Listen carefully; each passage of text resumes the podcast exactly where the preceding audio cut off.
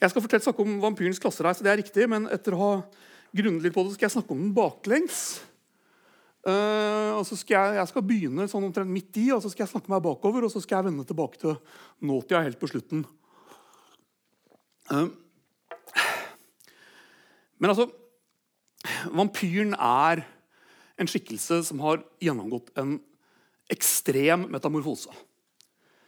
Fra de første liksom, spede tingene vi snakker om når vi snakker om vampyrer, og opp til det vi tenker på i dag, så er endringen dramatisk. Jeg tenkte jeg bare, Som en, et bilde for, for, mange år siden så var jeg på, i Valletta på Malta og snublet inn på Skrivemaskinsmuseet. Som basically var en eller annen lokal nerd som hadde leid et butikklokale. hvor han stilte ut mye skrivemaskinsamlingen sin. Det var veldig fascinerende, eh, utrolig nok. Eh, fordi det var helt voldsomme endringer i disse skrivemaskinene fra de aller første ideene til du kommer opp til en skrivemaskin som ser ut sånn som den vi tenker på i dag. Og så var det bare slutt. For Da hadde man funnet hvordan skrivemaskinen skulle være. Og så skjedde det basically ikke noe før den fikk liksom rettetast og ble elektrisk. Og sånne ting. Uh, og litt sånn er det med vampyren også. Den endrer seg, så endrer den seg, så endrer den seg, og så plutselig så har den funnet formen sin. Og etter det så har det egentlig ikke skjedd noe særlig. Og dette her, altså Vampyrens år null, det som er liksom før og etter, det er 1897. I 1897 så gir Bram Stoker ut Dracula. Og vampyren hamrer liksom fast en sånn stake i bildet av hvordan ting skal være. Sånn at den liksom forblir uendra etter det. i veldig stor grad.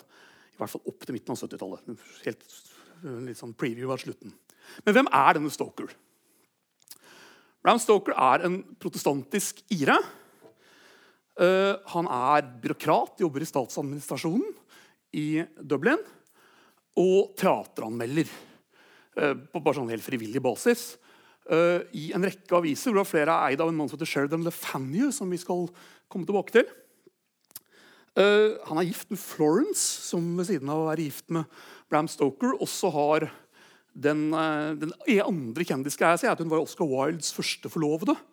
Og Stoker kommer fra et sånt miljø av litterater i Dublin. Han har hengt i salongene til foreldrene til Oscar Wilde.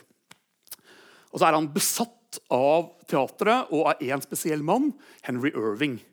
Som er liksom samtidens store, store teaterhelt.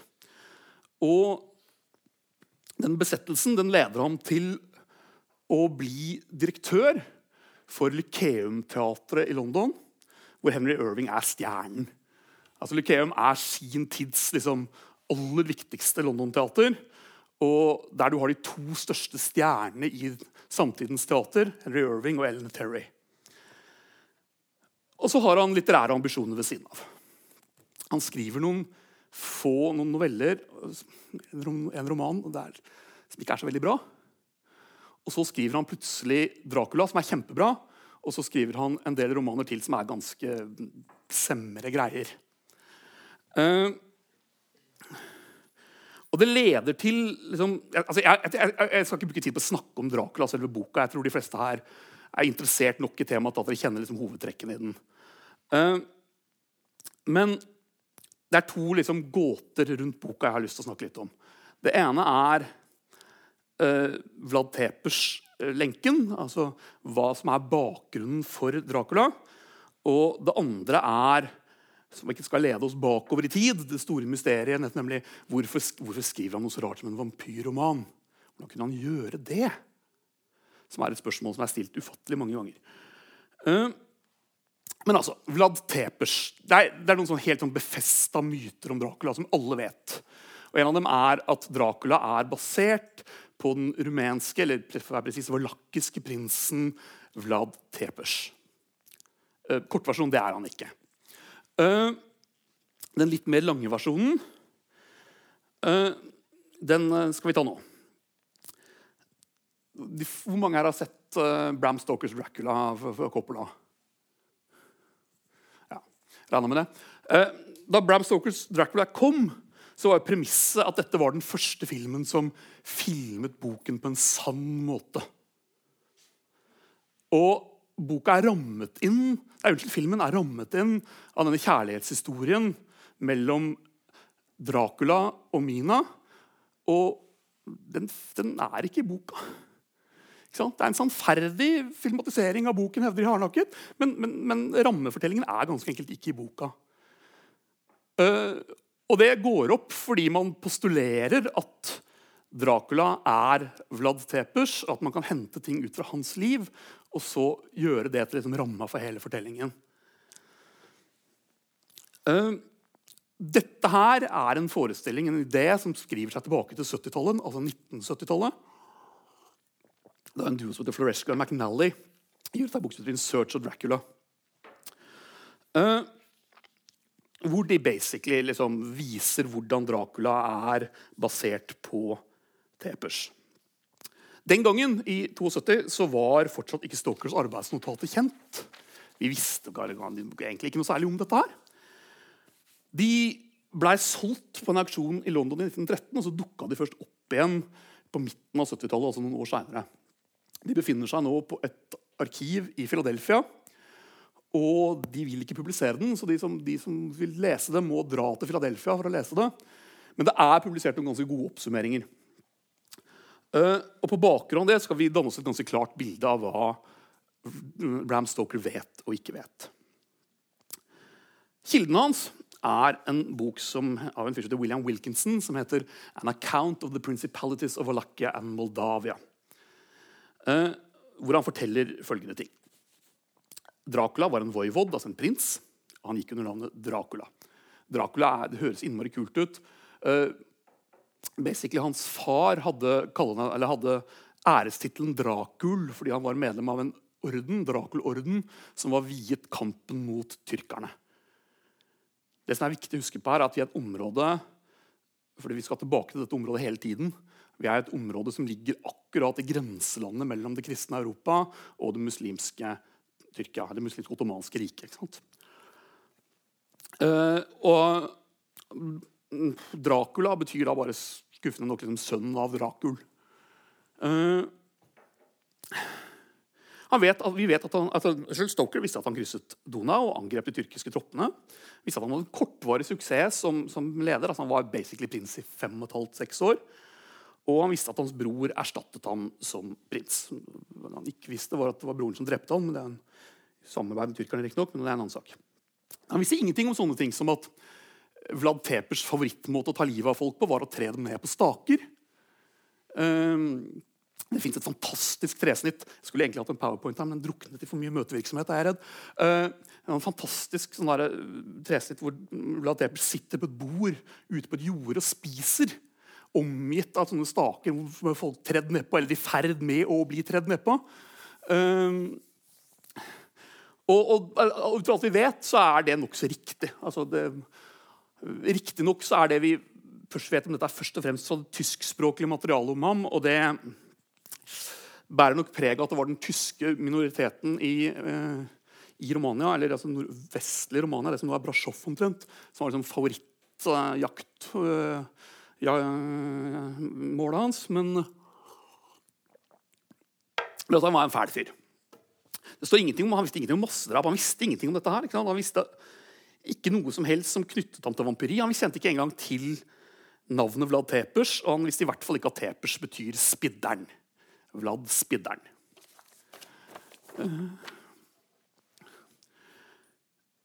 Grunnen var bare ganske enkelt at det var et kult navn. Eh, det gjorde at han flytta liksom, vampyren sin liksom lite grann. Og så betydde det djevel. Det, det sto i materialet, så det hørtes kult ut. Vet, altså det er et poeng for Stoker å fremstille Dracula som så ille som mulig. Så bare ut fra det så kan vi anta at fæle ting han visste, ville nok etter alle solemerker ha blitt inkludert. Uh, så det er da spørsmålet Hvis den ikke er det, for den er ikke det, den er ikke basert på Vlad Tepers i noen særlig grad i det hele tatt. Hva er den da basert på? Hvorfor skrev han Og dette er den andre gåten. Og det er på en måte den jeg har tenkt skal tas bakover i tid. da. Hvorfor skrev han noe så rart som en vampyrroman? Dette er det skrevet mye om og nei, dere får ingen premie for å gjette at det aller, aller meste handler om sex. Um, spisse tenner som trenger inn i andre menneskekropper med liksom væske som flyter ut. og sånn. Altså, metaforene er ganske nærliggende, selvfølgelig. Stephen King sier noe sånn om scenen hvor de dreper Lucy i, i Dracula. At uh, Stoker is implying in a fairly classy way that Lucy is coming her brains out. Um, altså, det er mye av dette. Og, og på en måte så, så, er det erotikk i denne gamle vampyrlitteraturen. Uh, til og med i noe av det som jeg skal komme inn på, er den til og med veldig eksplisitt. Men det er en del farer når vi leser bøker fra denne perioden. Og En av de farene er at vi leser dem naturlig nok gjennom våre egne øyne og glemmer en del av konteksten de er skrevet i. Altså, ja uh, Lucy, senere Mina i Dracula, Carmilla, som vi skal komme tilbake til, de, de opplever gjennom sin omgang med vampyren en, en glede og en, en, form for nytelse som de kanskje ellers ikke ville opplevd. Men det er noe mye, mer, mye større som står på spill. Og det er deres udødelige sjel. Dette er skrevet i en tungt religiøs kontekst. Noen av forfatterne ikke Stoker riktignok, er veldig religiøse.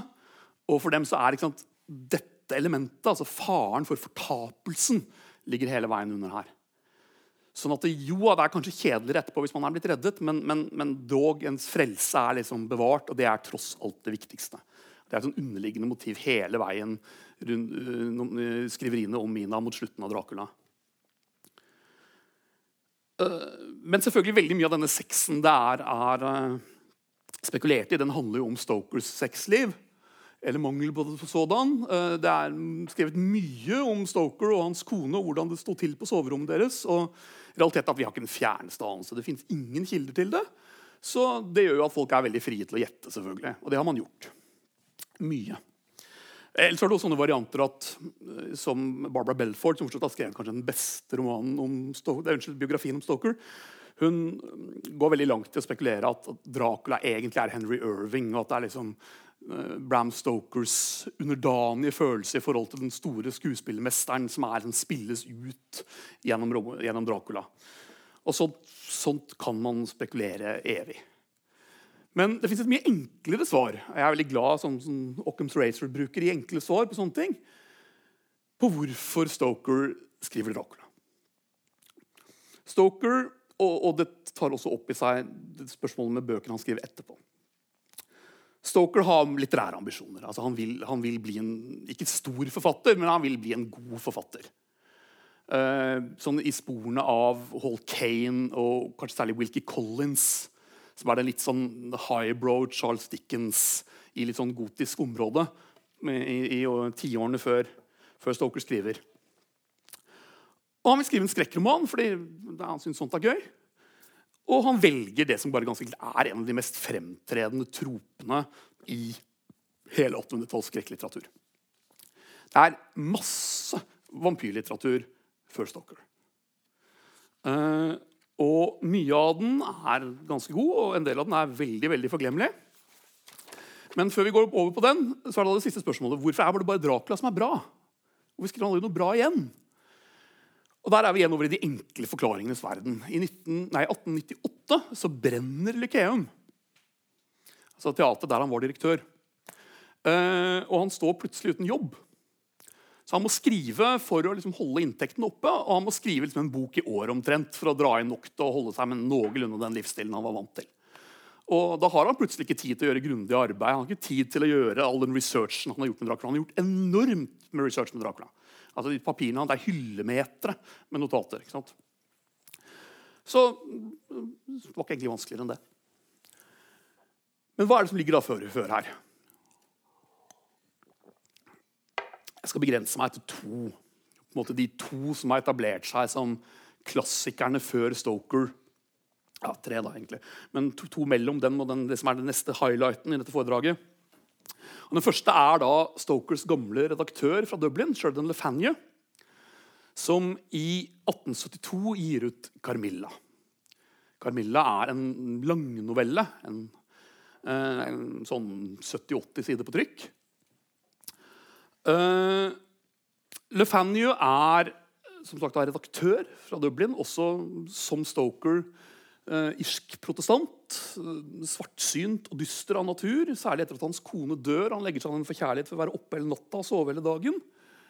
Uh, og han skriver noen av samtidens absolutt beste skrekkfortellinger. Ja, kanskje det beste er samlet i en samling som heter In a, Glass Darkly. Uh, han er også det store forbildet til M.R. James, uh, som på tidlig 1900-tallet skriver kanskje den altså, beste skrekklitteraturen som er skrevet noen gang. Uh, hvis dere ikke har lest M.R. James, så gjør for Guds skyld det.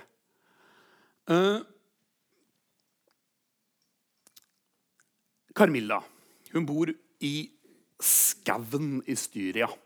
Grenseområdene mellom Østerrike og Ungarn sammen med sin far, som er engelsk diplomat og adelsmann av en sort. Litt uklart. Og det er, når sant skal sies, dødskjedelig. Det skjer ingenting der. Eh, men hun har et vagt minne om at i sin fjerne barndom så møtte hun en, en ung pike som på et eller annet vis hun har veldig sånn klare fantasier om. Og så En dag så er det en vogn som krasjer på veien utenfor. og Så kommer de bærende inn på en ung pike og lurer på om hun kan få bli igjen der. for Hun er skadet og trenger å komme seg, men de må reise videre. Og Dette er da den unge Carmilla. Eh, de blir, Jeg skal ikke gå i detalj her. Les den, for all del. den er god. Eh, de får et nært forhold. Det antydes ganske tydelig at det er mer nært enn godt er. Uh, og Lefanio er en veldig religiøs mann, sånn at uh, fortapelseselementet ligger også hele veien under her. Men samtidig så blir Laura svakere og svakere. Og så dukker det opp en venn av familien som kjenner igjen Carmilla som den som tok livet av hans datter. Bortsett fra at da het hun Milakra. Hun har sånn flere navn som går igjen, men de er alle akronymer på de samme bokstavene. Og Hun viser seg da å være en gammel adelsdame fra nabolaget som har en forkjærlighet for å suge seg gjennom områdets unge kvinner. og De tar livet av henne, og så sitter nå Laura der ute i skauen i Styria og kjeder seg fortsatt og innmari. Det er liksom basically it. Men altså hennes frelse er reddet, så det er, det er, en, lykkelig slutt. På en måte. Og Dette er jo et underliggende element sant, i mye av vampyrlitteraturen. At det er det farlige og det fascinerende som går hånd i hånd. Det livsfarlige og det dypt, dypt, dypt sånn eksistensielle. Og det er noe av det som gjør den attraktiv. Altså, dette er en selvfølgelighet, men altså, det er noe av det som gjør den attraktiv. Og så skiller den, av, som vi, vi, snakket om her før dere kom, fra, fra f.eks. zombien. Altså, det er veldig få som skriver, skriver som zombie-erotika. Det finnes selvfølgelig. Altså, selvfølgelig finnes det, uh, men, men, men, men, det er ikke en like fremtredende sjanger. Uh, Jeg anbefaler ingen å begynne å gå ut og lete liksom, i dybden av, av verken zombie- eller vampyrerotikan på nettet. Altså, men det Blodfetisjisme, sier jeg bare, og lar det bli med det. Så går vi litt tilbake i tid. Vi går tilbake til midten av 1840-tallet. Til Varney the Vampire. Or A Feast of Blood. Eh, den første vampyrromanen på engelsk. Uh, Varney er etter alle solmerker i hvert fall i hovedsak ført i pennen av en fyr som James Malcolm Rymer. Uh, som var en av samtidens mest fremtredende forfattere av såkalte Penny Dreadfuls. Altså Varney er en, en føljetongfortelling som kom ut i en hefteform. Som var mye av samtidens måte å publisere romanene på. Dickens publiserte også sånn. Uh, og De kom på en måte så lenge det var et marked for det. Varney varte i 109 sånne hefter fra 1845 til 1847. Og I bokform så er den på 868 sider, fordelt på 237 kapitler. Den solgte godt i mange mange år eh, og har på en måte æren av å være den som, som folkeliggjorde vampyren i samtidens litteratur. Det er sagt om Varney at den åpner med en storm og deretter tiltar i styrke. Og Det er en sannhet med veldig store modifikasjoner, for den er alvorlig talt ganske kjedelig. Eh, altså, det er ikke en bok man leser i sin helhet. for å si det sånn. Den publiseres utdrag i de fleste sånne vampyrantologier. Uh, men uh, Men, men, la meg nå ikke desto mindre. Jeg må jo få lov å lese litt vampyrlitteratur for dere. Den åpner da sånn som dette. I min oversettelse, riktignok. Mm. Hennes vakkert avrundede lemmer skalv i hennes sjels pine. De glassaktige, fryktelige øynene til skikkelsen gled over hennes englelignende form med et blikk av grusom tilfredshet. En fryktelig helligbrøde. Han trekker hennes hode mot sengekanten. Med et hardt grep om hennes hår tvinger han hodet bakover. Med et sprang griper han hennes hals med sine hoggtannaktige tenner. En strøm av blod, en fryktelig sugelyd følger. Piken har besvimt, og vampyren inntar sitt fryktelige måltid. 868 sider med det. Uh, det. Dette er da denne første fortellingen, denne første piken. Den, den dekker omtrent sånn halve boka. Uh, men så var jo da Varney en svær suksess. Der er han blitt jaget, for alvor jaget ut av bygda. Det er liksom sånn det går med Varney. Uh, han klarer det nesten, og så er det en eller annen slektning som avslører, og så blir han jaget ut av bygda. Men for å holde det gående så forteller man basically den fortellingen tre ganger til. Med liksom nye bygder og nye piker. Og til slutt så blir Varney så lei at han faktisk tar livet av seg. Men den er, den er lett å latterliggjøre. Men, men, det er mye altså, Akkurat midten av 800-tallet er liksom lesningens tidsalder i det viktorianske England. Altså, det, det, er nå det virkelig begynner å ta av. og Det er det Penny Dreadfulson i stor grad er et, et, et eksempel på. Man trenger billig, kjapp litteratur for å selge til et stort, nytt lesende publikum med dårlig råd. Men også Rekken av vampyrfortellinger vi kunne liksom gått gjennom én og én, er lang opp gjennom dette her, skrevet av alt fra helt ukjente til nokså veletablerte forfattere. Men la oss hoppe over dem, og så drar vi tilbake til sommeren 1816. Dette er liksom crescendoet. Nå hadde det passet bra med en liten trommevirvel. Uh, I 1815 så skjer det noe som skal påvirke vampyrlitteraturen på uante måter. Og det er uh, vulkanutbruddet på Mount Tambora på Indonesia, som er en av tidenes største, som basically gjør at klimaet verden rundt er elendig i et par år framover. Sommeren 1816 er en møkkasommer.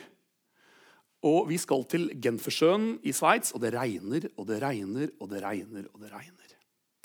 Genfersjøen er et, sånn, et av samtidens uh, turistmål. Nei, ikke helt et chartermål, akkurat, men nesten det er et sånt sted som velhavende engelskmenn drar til for å tilbringe sommeren. Og En av de flotteste villaene ved Genfersjøen er Villa Diodati.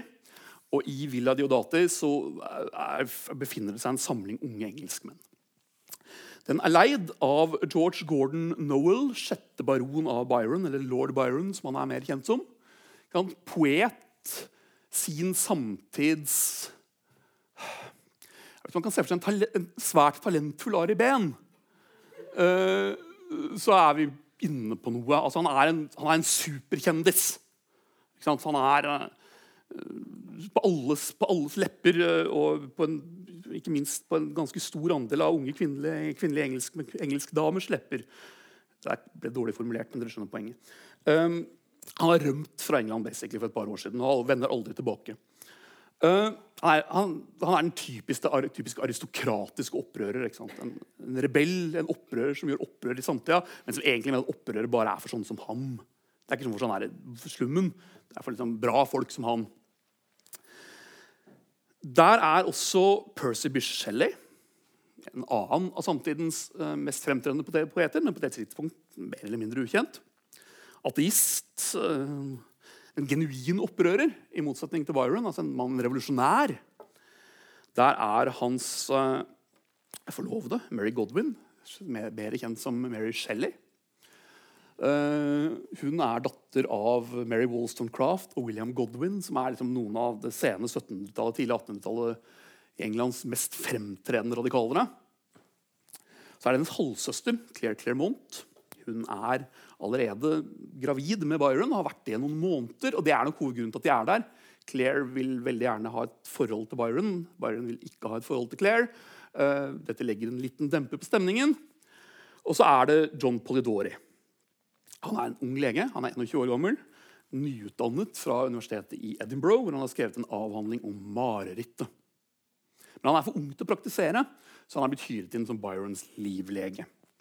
Og han har også litterære ambisjoner. selvfølgelig har han det, uh, Og er tror han er heldig. Han dør 26 år gammel noen få år seinere etter en hesteulykke, så han er ikke egentlig spesielt heldig. Men det, det er så sin sak. Mm. Altså, Claire prøver å legge han på Byron. Byron vil ikke ha noe med Claire å gjøre. Det regner, det går ikke an å gå ut, det er gørr kjedelig. Alle er uvenner med alle, og de må finne på et eller annet å gjøre.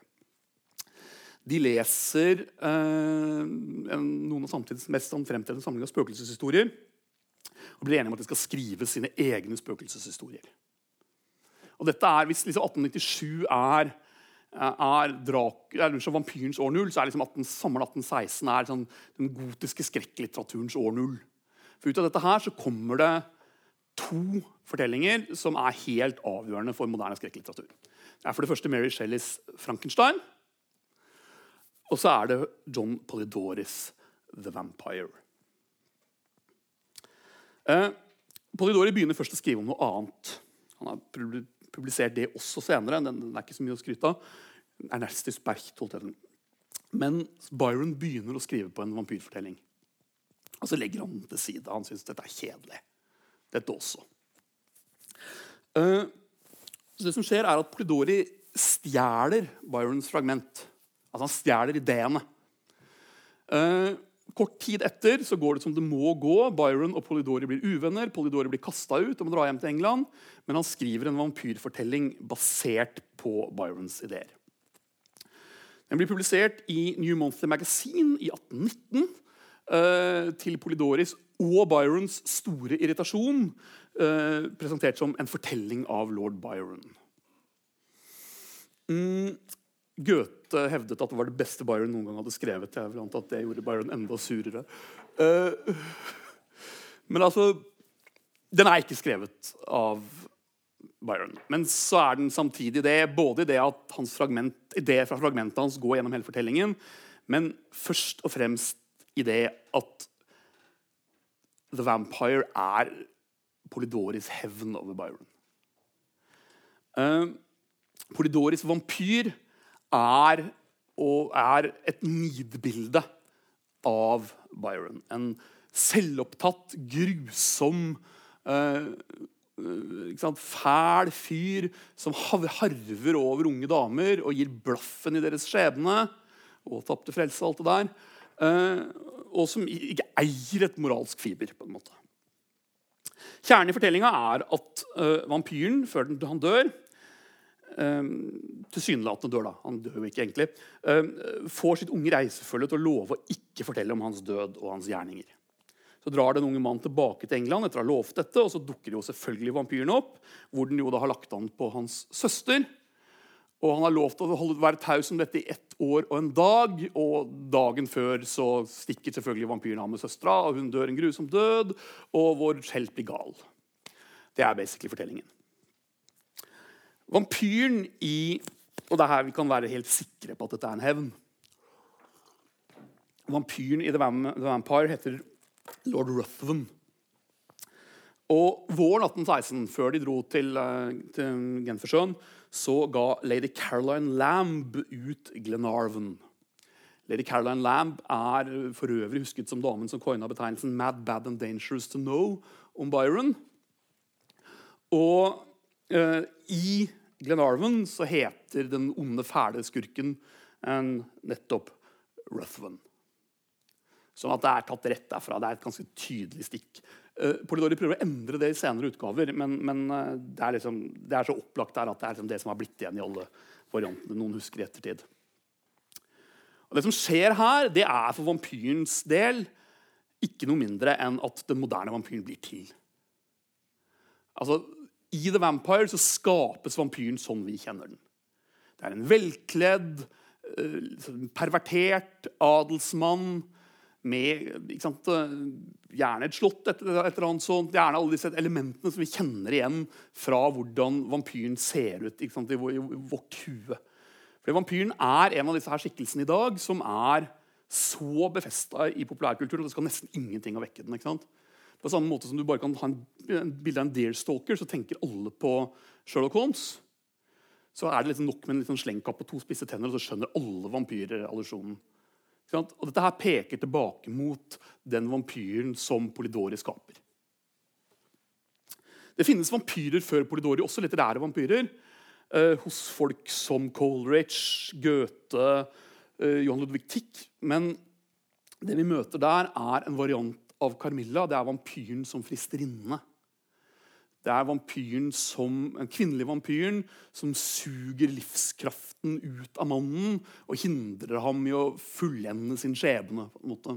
Det er litt den samme vampyren som vi kjenner fra sant, Munchs bilde. Som egentlig ikke het vampyr, men som allikevel helt innlysende blir tolket sånn av alle. Det er den samme vampyren vi kjenner hos uh, flere forfattere opp igjennom, uh, inklusiv Strindberg, var det jeg skulle fram til. Uh, som bruker det som metafor. Altså, det er, det, er, vampyren som den onde kvinnen som ødelegger livet for den frie, glade mannen. Og i all sin uh, liksom ufyselige misogyni så blir det noe bra litteratur ut av dette. Men, men, det er ikke den fortellingen som på en måte har virkelig befestet seg. Selv om den er en sånn underliggende element hele veien oppover i vampyrlitteraturen. helt opp til vår tid. Men hva skjer da før 1816 som er liksom verdt å gå inn på? Og det er to ting. Det er den store vampyrdebatten. Og før det så er det folketroens vampyr. som vi skal møte her. Opp gjennom hele 1700-tallet så foregår det en stor altså Den er stor fordi vi ser i ettertid. Vi kan se at det er masse spor av den. så at den er nok så fremtredende, men Den var neppe liksom sånn, den dominerte neppe avisspaltene, men det var en debatt om vampyren gående hele veien. Rousseau sier noe sånt som at intet vesen er vel bedre dokumentert enn vampyren, men vel tror vel egentlig på den. Uh, og Det han henviser til, er nettopp denne debatten som har gått der hele veien, og som henger tett sammen med tidens voksende kunnskap om menneskelig anatomi. 1700-tallet er det århundret hvor man virkelig begynner å få grep på hvordan menneskekroppen virker. Ikke minst så, så, begynner man å få virkelig grep på hvordan blodsirkulasjonen virker. Og vampyren og blod er eh, nærliggende elementer. I dette her så er spørsmålet hva som konstituerer liv. Det er spørsmålet om hvordan liv oppstår. Det er spørsmålet om hvordan man kan skape liv. Det er noe av den samme debatten som liksom ender opp i Mary Shelleys Frankenstein. Ideen om vitalismen, om hva det er som utgjør liksom selve forskjellen mellom liv og død. Det elementet hvor man går fra død til liv, fra liv til død. Det viktigste bidraget til hele denne debatten det er skrevet av en fyr som heter Dom Augustin Calmé. Fransk teolog. eller Han heter Augustin Calmet, han er dom. Som i 1746 gir ut boken med den klingende tittelen 'Avhandling om engler og ånders åpenbaringer og om gjengangere og vampyrer i Ungarn, Bøhmen, Meren og Silesia'. Dette er ikke en tid for snappy titler. Uh, denne her er ganske kort, for så vidt, men, uh, men den skaper en voldsom debatt, og den reflekterer dels en debatt som ligger forut for den. Uh, den ble en stor suksess. altså Den solgte godt til den samtiden å være. Gjorde, men samtidig så gjorde den den da, allerede da godt gamle Calmet Han var født i 1672, døde i 1757. Til et objekt for hån og latterliggjøring i Europa. Og grunnen til det er at Calmet, i motsetning til mange samtidige som skriver om vampyrer, eh, ikke uten videre vil avvise at vampyren er reell. At det finnes noe, et eller annet virkelig faktisk grunnlag for disse vampyrforestillingene. Uh, han konkluderte med at de mange naturlige forklaringene som var foreslått for Den gang var det mange av dem, sånn som nå, sånn som pest og levende begravelse, en klassiker i vampyrspekulasjoner, ikke var tilstrekkelig til å forklare det, de fortellingene man hadde. Hvilket også gjelder for moderne varianter som rabis og porfyri og andre sykdomsforklaringer man har forsøkt å foreslå for å forklare vampyr. De holder heller aldri mål. Uh, fordi de stort sett, som i tilfelle for porferi, som er ganske morsomt, så er det liksom en forklaring på hvordan vampyrer ble til hvis den litterære vampyren var den folk hadde trodd på. Uh, den har derimot ingen for gode forklaringer på den opprinnelige tradisjonelle vampyren, som er den folk faktisk har trodd på. Hvilket gjør at det blir litt sånn det hele blir litt komisk. Calmet definerte vampyrer som mennesker som hadde vært døde og begravd, og som vendte tilbake fra graven for å forstyrre de levende ved å suge deres blod og til og med forårsake deres død. Og Det eneste motmiddelet mot dem var å grave dem opp, kappe av dem hodet eller slå en stake gjennom hjertet på dem. Det han andre beskriver, det er et spøkelse, sånn som vi kjenner spøkelser fra tida før viktorianerne gjorde spøkelser som det flagrende laken. Før viktorianerne altså, det som skjer i Victoria-tiden. Masse folk får råd til å kjøpe seg herregårder fra gamle adelsfamilier, og de er altfor store for dem. Så det er praktisk å ha en, en fløy der borte hvor det spøker. For det er en god fortelling. Og disse spøkelsene de, de må være litt sånn åndelige og eteriske, ikke altfor skumle. Så dermed så blir liksom spøkelset til en sånn flagrende gevant. Før det så er spøkelser basically lik som kommer opp av graven og vandrer rundt blant folk. Og hvis de vil gjennom en dør, så må de åpne den. Folkloren er full av måter du skal unngå at spøkelser åpner dører på. Mens etter henhold til viktoranerne kan de bare flagre rett gjennom. Men altså, Vampyren er basically et sånt spøkelse. Det er bare med det tilleggselementet at det er et farlig spøkelse. Vampyrer er spøkelser som dreper. Det er liksom superkortversjonen. Og det har han rett i. altså kall meg rett i. Det er uh, i hovedsak en presis beskrivelse av tradisjonsvampyr. Uh, selv, altså, vi, vi, kjenner nok av vampyrer som angriper mennesker og dreper dem, men ikke nødvendigvis suger blod av dem. Det er litt en sånn det er litt, litt sånn sexy elementer man i stor grad, i hvert fall en viss grad har lagt til. Uh, men det er flere ting å merke seg med tradisjonsvampyren. Uh, og ikke minst hvis man sammenligner det med vampyren som Polidori skaper den. Og det er her klassereisen virkelig kommer inn i bildet. Tradisjonsvampyren, som vi kjenner fra folketråd, og vi skal komme inn på hva den består i, den er absolutt ingen aristokrat. Det er en fattig bonde.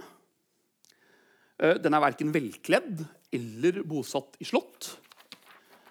Eh, den er derimot iført fillete, hvite klær. Og den lå i en fattigslig grav på kirkegården ved landsbyen der den hadde bodd den gangen den var levende. Og disse fillete, hvite klærne det er ganske likskjorta den er begravd i. Den er gått litt i oppløsning, og sånn, og blitt litt fillete, men ellers så er det den den kommer opp ved. Og ikke minst dette er et viktig element. Denne, denne tradisjonelle vampyren i motsetning til den litterære, den utgjør ingen trussel for bleke engelske jomfruhalser. Disse vampyrene de reiser ikke med båt til London eller på annet, eller, unnskyld, til Whitby, eller på andre måter komme seg til liksom England for å kaste seg over våre damer. Eh, det den gjør, er basically å angripe familie og naboer i byen der den holdt til. Uh, av utseende så skiller den seg også markant fra den litterære vampyren. Den litterære vampyren er blek og tynn, mens denne tradisjonelle vampyren tvert imot er oppblåst og rødsprengt. I den grad kan, altså, altså Alt dette er generaliseringer, men uh, det er nokså gjennomgående generaliseringer. Og dette er faktisk litt interessant, fordi det som kjennetegner denne samtiden her, altså Man har veldig lite ideer om hvordan et lik skal se ut. Man har et ganske anstrengt forhold til døde kropper. Man vil gjerne begrave dem så raskt som mulig, og så vil man ikke se dem igjen. Men beskrivelsene fra tradisjonsmaterialet de er gjennomgående preget av at de skildrer hvordan et lik som har ligget en stund i bakken, godt kan se ut. Og Det det forteller oss, det er at de faktisk har gravd lik opp igjen og kan beskrive hvordan de så ut. Og her er vi inne ved kjernen.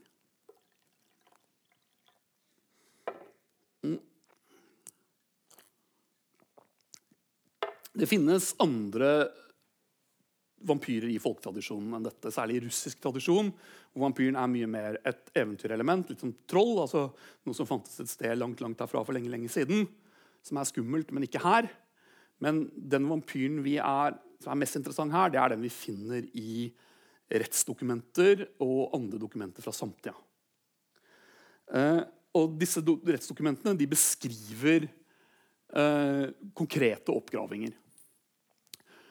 Eh, den mest kjente av dem det er en liten bok som heter 'Visum et repertum'.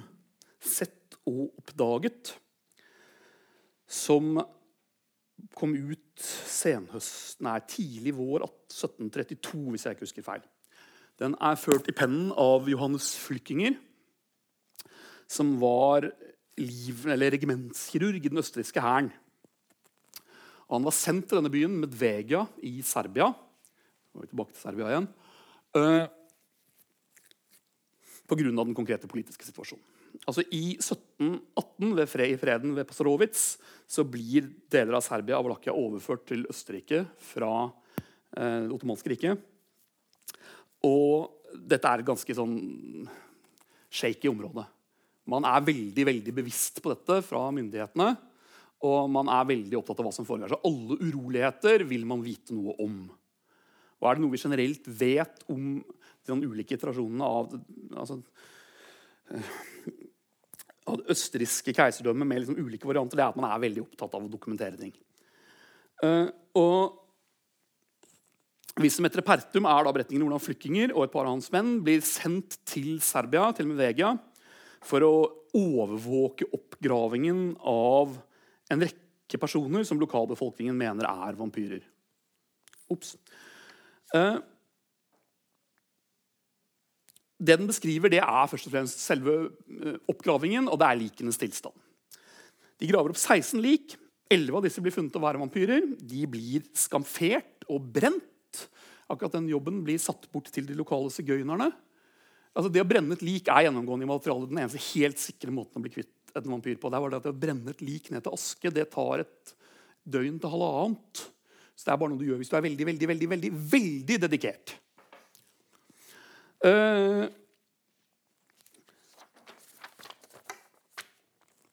og uh, disse elleve likene som blir funnet å være vampyrer, de er, det er lik som ser helt ut sånn som lik burde gjøre. Det er bare at uh, de ser ikke ut sånn som befolkningen syns de burde se ut. Altså, realiteten er at vi, vi, Opp til nesten vår tid så har vi jo ikke visst nesten noen ting om nedbryting av lik. ikke sant? Altså den forskninga man begynner med, som Bill Bass, som er den store pioneren på dette, her, begynner på The Body Farm i Tennessee, det er det første elementet hvor man begynner med kontrollert forskning på nedbryting av lik. og Da snakker vi liksom sent 1990-tall. Opp til det så er det egentlig sånn anyone's guess hvordan et lik som var legget ned i bakken, skulle se ut og ikke. Uh, men et repertum, den er da beskriver nei, Den blir en kjempesuksess. Det er det som er poenget. Uh, og den setter i gang alle disse debattene. Det er den som er liksom, utgangspunktet for Galmé. Det er den som er utgangspunktet for de debattene som går opp gjennom 1700-tallet. Og som vi, det, det er alle solmerker folk som Byron, Shelley, Polidori osv. må ha kjent til. Fordi de er liksom dannede mennesker i sin samtid. Uh, men vi må enda et lite skritt tilbake for å komme til begynnelsen. Da må vi til 1727. Fordi Fire år før denne oppgravingen som flykkingen er til på, så blir vampyren sånn vi kjenner til i bred forstand, til. Det som skjer, det er at Arnold Paole, en lokal bonde, faller av en vogn og dør. Det er hans bidrag til vampyren. Uh, og så dør det noen få mennesker kort tid etterpå. Og så husker noen at Paole har sagt noe om at han hadde blitt angrepet av en vampyr mens han var i militæret. Og så tenker de at det må være forklaringen. Og så graver de ham og disse fire andre opp. Uh, og, og, gjør akkurat det samme som man gjør da disse årene senere. Uh, og det bringer oss over til liksom det som er urspørsmålet. To spørsmål. Mulig vi ikke rekker samtiden. Uh, det ene spørsmålet er da Hva er denne vampyren for noe? Hva er egentlig vampyren som vi møter i dette materialet? Uh, og det andre spørsmålet er liksom, hva, hva skjer før?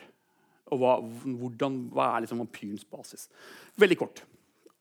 Hva, hva, er den for noe? Jeg har vel antyda det ganske grundig. Uh, en person dør, flere mennesker dør kort tid etterpå. Folk finner en forklaring. Vampyren er en syndebukkforklaring på en epidemi. Altså det, er en, det, er ikke en utbredt ting som vi finner masse av i samtiden, men med jevne mellomrom finner vi saker hvor, det hvor det er, mange mennesker dør i løpet av kort tid. Man vet, vet filla om smitte, og man søker etter syndebukkforklaringer. Og den forklaringen man finner, er i vampyren. Og denne forklaringen, ideen om den første døde som årsak til de som følger etter, for det er jo det det på en måte er, den blir ikke borte. Vi kjenner den vi kjenner annet en ganske god del amerikanske tilfeller i særlig sånn tyskspråklig dominerte områder av USA. Og det siste dokumenterte tilfellet her er vel 1892 i New England. Hvor man graver opp eh, en bunke med lik av folk som har dødd av tuberkulose i noen eh, områder i Connecticut. Uh, og den forklaringen ligger under der. Men hva så, da? Bakover i tid. Hva, hva, hvor finner, finner, vi vampyrer før dette? Hvor, hvor, er vampyren? Hvor blir den av bakover? Ja, det fins to svar som på en måte kan, er helt motsatte. Det ene er liksom det vi folklorister er glad i. det er at Vampyren forsvinner bare i fravær av materiale.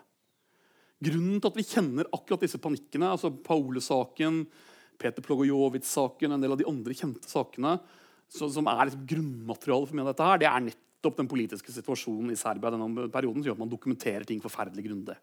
Før det vi kan antyde at det fins noe lignende der, men vi vet ikke. For vi har ikke materiale til det. Men det fins et annet svar som jeg syns er riktigere. og det er å si at eh,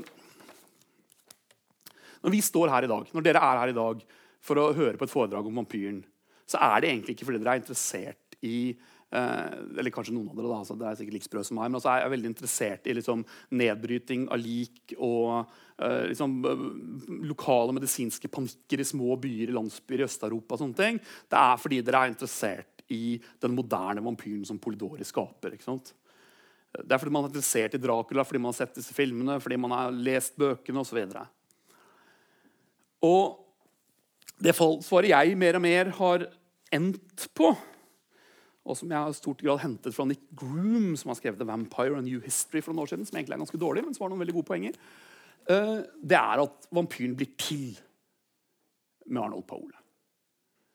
Vampyren blir til i dette møtet mellom østeuropeisk folketradisjon og vesteuropeisk offentlighet. Der plukker man opp noe fra dette tradisjonsmaterialet, noe egentlig ganske tilfeldig, som går inn i en debatt, som danner en basis for en litteratur som er det som på en måte leder opp til i dag. Å drive og snakke om vampyrer bakover i tid, ut fra hva vi liksom kan se av folketradisjonen, det, det, bidrar egentlig ikke til å forklare noe særlig. Det Vi gjør er at vi tar på disse brillene våre, som er liksom uvegelig preget av Bram Stoker og Dracula. og Så ser vi liksom bakover i tid, så ser vi etter ting som ligner. Ting som kan minne litt om det, ting som kan minne litt om det vi finner for, forhistorien til det. Men jeg tror en mer fruktbar ting er å si at vampyren er et ganske moderne vesteuropeisk fenomen som blir til når vi oppdager disse østeuropeiske uh, forestillingene. Og så skjer det noe helt nytt. bare ganske enkelt. Det oppstår noe som ikke hadde vært før. Jeg tror det er en nyttigere forklaring. Uh, Men etterpå, da, etter Stoker, så skjer det egentlig ingenting. Det var dette med skrivemaskinmetaforen min. ikke sant? Det skjer ingenting, og så skjer det ingenting, og så skjer det ingenting. Det kommer masse filmer, og de er basert på Dracula. stort sett alle sammen. Noen av de er veldig bra. Nosferatu er liksom case in point. Noen av de er ganske dårlige. Tre-fire Hammer-filmer med Christopher Lee f.eks. Noen av de er helt forferdelige. Der kommer mine fordommer mot Coppolas Bram Stoker Dracula inn, men det er mulig dere liker den. Dere føler dere frie, eh, for all del. Men det skjer ikke noe for 1977, egentlig. Og så morfer vampyren på nytt. Og det som skjer i 1977, Det har kommet noen små spor av det samme før, men det, som skjer i 1977 er at Anne Rice gir et intervju med The Vampire. Og For første gang så blir vampyren helt. En antihelt, riktignok. Han skal fortsatt liksom oftest dø på slutten av fortellingen, men han blir en helt, han blir en hovedperson, han blir protagonisten i fortellingene. Opp til da så handler alltid vampyrfortellingene om de andre som kjemper mot vampyren. Han kan være den kuleste i rommet, og jeg mener ofte den eneste skikkelsen man husker etter å ha sett en vampyrfilm eller lest liksom, en bok. Altså, det er ikke noen tvil om hvem som er den kuleste skikkelsen i Stalkers Dracula. Uh, ok, Mina Harker er ganske kul, hun også. Men altså, disse, disse, mennene som jakter på henne, er jo helt usynlige. Det er umulig å huske dem fra hverandre etterpå. Jeg har lest den fire ganger. Jeg sliter fortsatt med å huske liksom, alle i denne gruppa menn som jakter på Dracula. Men med Anne Rice så plutselig så blir vampyren helt. Ikke sant? Den blir protagonist. Uh,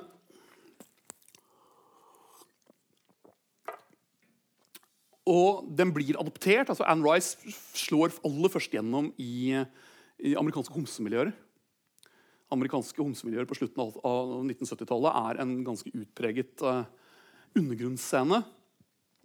Og man kjenner seg voldsomt godt igjen i denne følelsen av liksom outsider-status, av eh, estetisk fokus, av sanselighet. Av alle disse elementene her. Uh, men den blir jo en superbestselger, og dessverre så gjør den jo at Anne Royce fortsetter å skrive vampyrbøker. Og det er jo ikke nødvendigvis en god ting alltid. Mm. Men det neste som skjer, og det siste som skjer, som jeg kan snakke om nå, det er at man går den logiske veien man går med alle ting i vår tid. Det er nemlig at Om vampyren går fra helt, så blir den til, til å bli det vi alle sammen jo aller helst vil være i vår tid, nemlig et offer. Det er synd på vampyren. Det er fælt å være vampyr. Dåker vampyren. Ikke sant? Vampyren er et offer på to måter. Den er et offer fordi den er blitt til vampyr. altså Den er et offer for et overgrep. Den er sånn I de aller fleste vampyrsammenhenger så er den? Noen har gjort den til vampyr. og Der ligger jo et klart overgrepselement. Opplagt til stede hos Royce, f.eks. Eh, men det andre er jo at den er et offer fordi den er en misbruker. Vampyren er avhengig. Den kan ikke leve uten blod. Uh, den er helt nødt til å ha disse greiene. Uh, som det sies i det som er min favorittfilm av 80-tallet, 'Lost Boys'. Now you know what you are, now you know what we are. You'll never grow old, you'll never die, but you have to feed. Den må tilfredsstille disse behovene. Og den må gjøre det i skyggene. Altså, det, det, vampyren ikke kan gjøre, Den kan ikke være en glad og lystig vampyr som lever ut sine drifter helt og fullt. En fantastisk sørkoreansk film som kom for en del år siden The Thirst, som inneholder en sånn vampyr. En vampyr som gjør kjæresten sin til vampyr, og hun, hun viser seg å bli litt vanskelig å ha med å gjøre. Hun syns det er innmari moro å drepe folk. Hun myrder for fota. Bare, hun har det kjempegøy. Hun har liksom time of her afterlife. Uh, men sånn, det går bare ikke. ikke? Fordi da, Du vil bli jakta ned av folk rundt. De, de, du kan ikke ha en sånn greie løpende løs.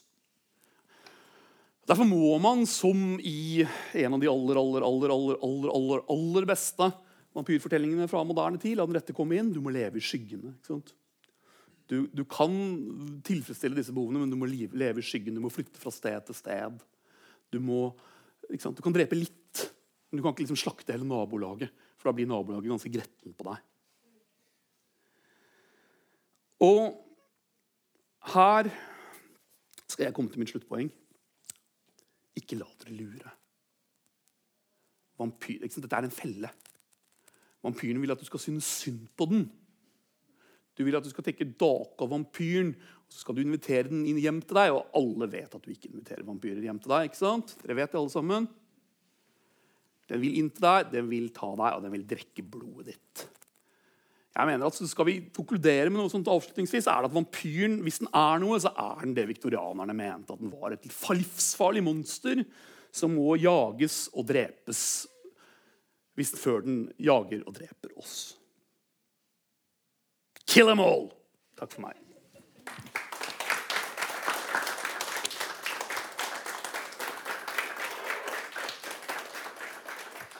Ja, Tusen takk for det. Det var utrolig spennende. Eh, er det noen som har noen spørsmål helt på tampen, så tar vi gjerne en liten runde på det. jeg lurer på hva du tenker om de helt siste type vampyrer. De som gjerne glittervampyrene. Som legemlig gjør kanskje mer vår ønske om å aldri bli gammel og alltid se fantastisk ut. Hva tenker du om de? Minst mulig. Det er jo ikke den helt siste, da. Altså, altså, vi har et par iterasjoner etter det. Men altså Twilight er jo at vampyren, Mye av vampyrlitteraturen som skrives rundt Anne Rice, Chelsea Quinn Yarbo en del de forfatterne fra midten av 70-tallet oppover, det er jo ganske opplagt husmorporno. Ikke sant? Uh, mens, mens, Twilight er jo på en måte en slags sånn aseksuell husmorporno for tenåringsjenter i et puritansk USA. Uh, de har jo ikke sex med hverandre. For eksempel. de bare liksom stirrer liksom følsomt inn i øynene til hverandre i en evighet. bokstavelig talt. Uh, Og Ja, det er jo ganske fælt. Uh, men altså, sant, det de liksom illustrerer, er at vampyren etter hvert den går i alle retninger på en gang. Samtidig som Twilight-bøkene blir skrevet, så blir også noe av den noen av de råeste liksom, sånn, voldsfantasiene og sex, sex og voldsfantasiene rundt vampyren. skrevet altså Laura K. Hamilton, for eksempel, som skriver uh, svært lite jomfruelige vampyrfortellinger. Uh, og den er vel mer bare et symptom på at liksom, du kan lure uhorvelig mange tenåringsjenter en stund. Jeg er ikke min vampyr, ikke sant? men poenget er på en måte at etter Anne Rice så er, liksom, er vampyren en slags sånn free for all. Du kan gjøre den til hva du vil. Og folk har gjort det. Det er skrevet fortellinger i de aller, aller, aller fleste retninger. Så det er kanskje et mer interessant spørsmål er hvorfor noen slår igjennom i noen perioder. hvorfor noen ikke og alle sånne ting. Men det, det er et langt lerret å bleke. Uh, eller glitre, alt etter hva man foretrekker. Uh, men, men kortforstående, jeg, jeg, jeg, prøver å ikke tenke mer enn jeg må. Men altså, det er jo en, altså, det er en fascinerende, for den, den, handler jo om for mye av det samme som Land Rette kom, kom, inn også. Den handler jo også om frossen ungdom. Altså, evig ungdom. Samme som Nå husker jeg fart ikke hva hun heter. Er hun jenta i Interview the Vampire? Hun som Elie. Hun som Nei, det er den Rette. Ja, samme det. Hun, hun som er, som er ni år gammel og blir gjort til vampyr. Ja, samme. Men altså, den, det elementet der, Frossen ungdom går jo igjen. Du har, du har, nesten den samme samtalen i både Twilight og Den rette kommer inn. Uh, hvor, hvor, de sier noe sånn Skal vi se, uh, skal vi se Der. Uh, Twilight så går den sånn How old are you? 17. How long have you been 17? A while. Og Ilan Rette kom inn. Er du gammel? Jeg er tolv år. Fast det har jeg vært veldig, veldig lenge. Uh, og det er uh, en av mange sånne ting man, man har sant, godt sett på. Det er, det er fascinerende. da. En fascinasjon for evig ungdom samtidig som det Det er ganske synlig i disse bøkene. Det er kanskje ikke det ideal når alt kommer til alt. da. Særlig ikke da den rette kommer inn.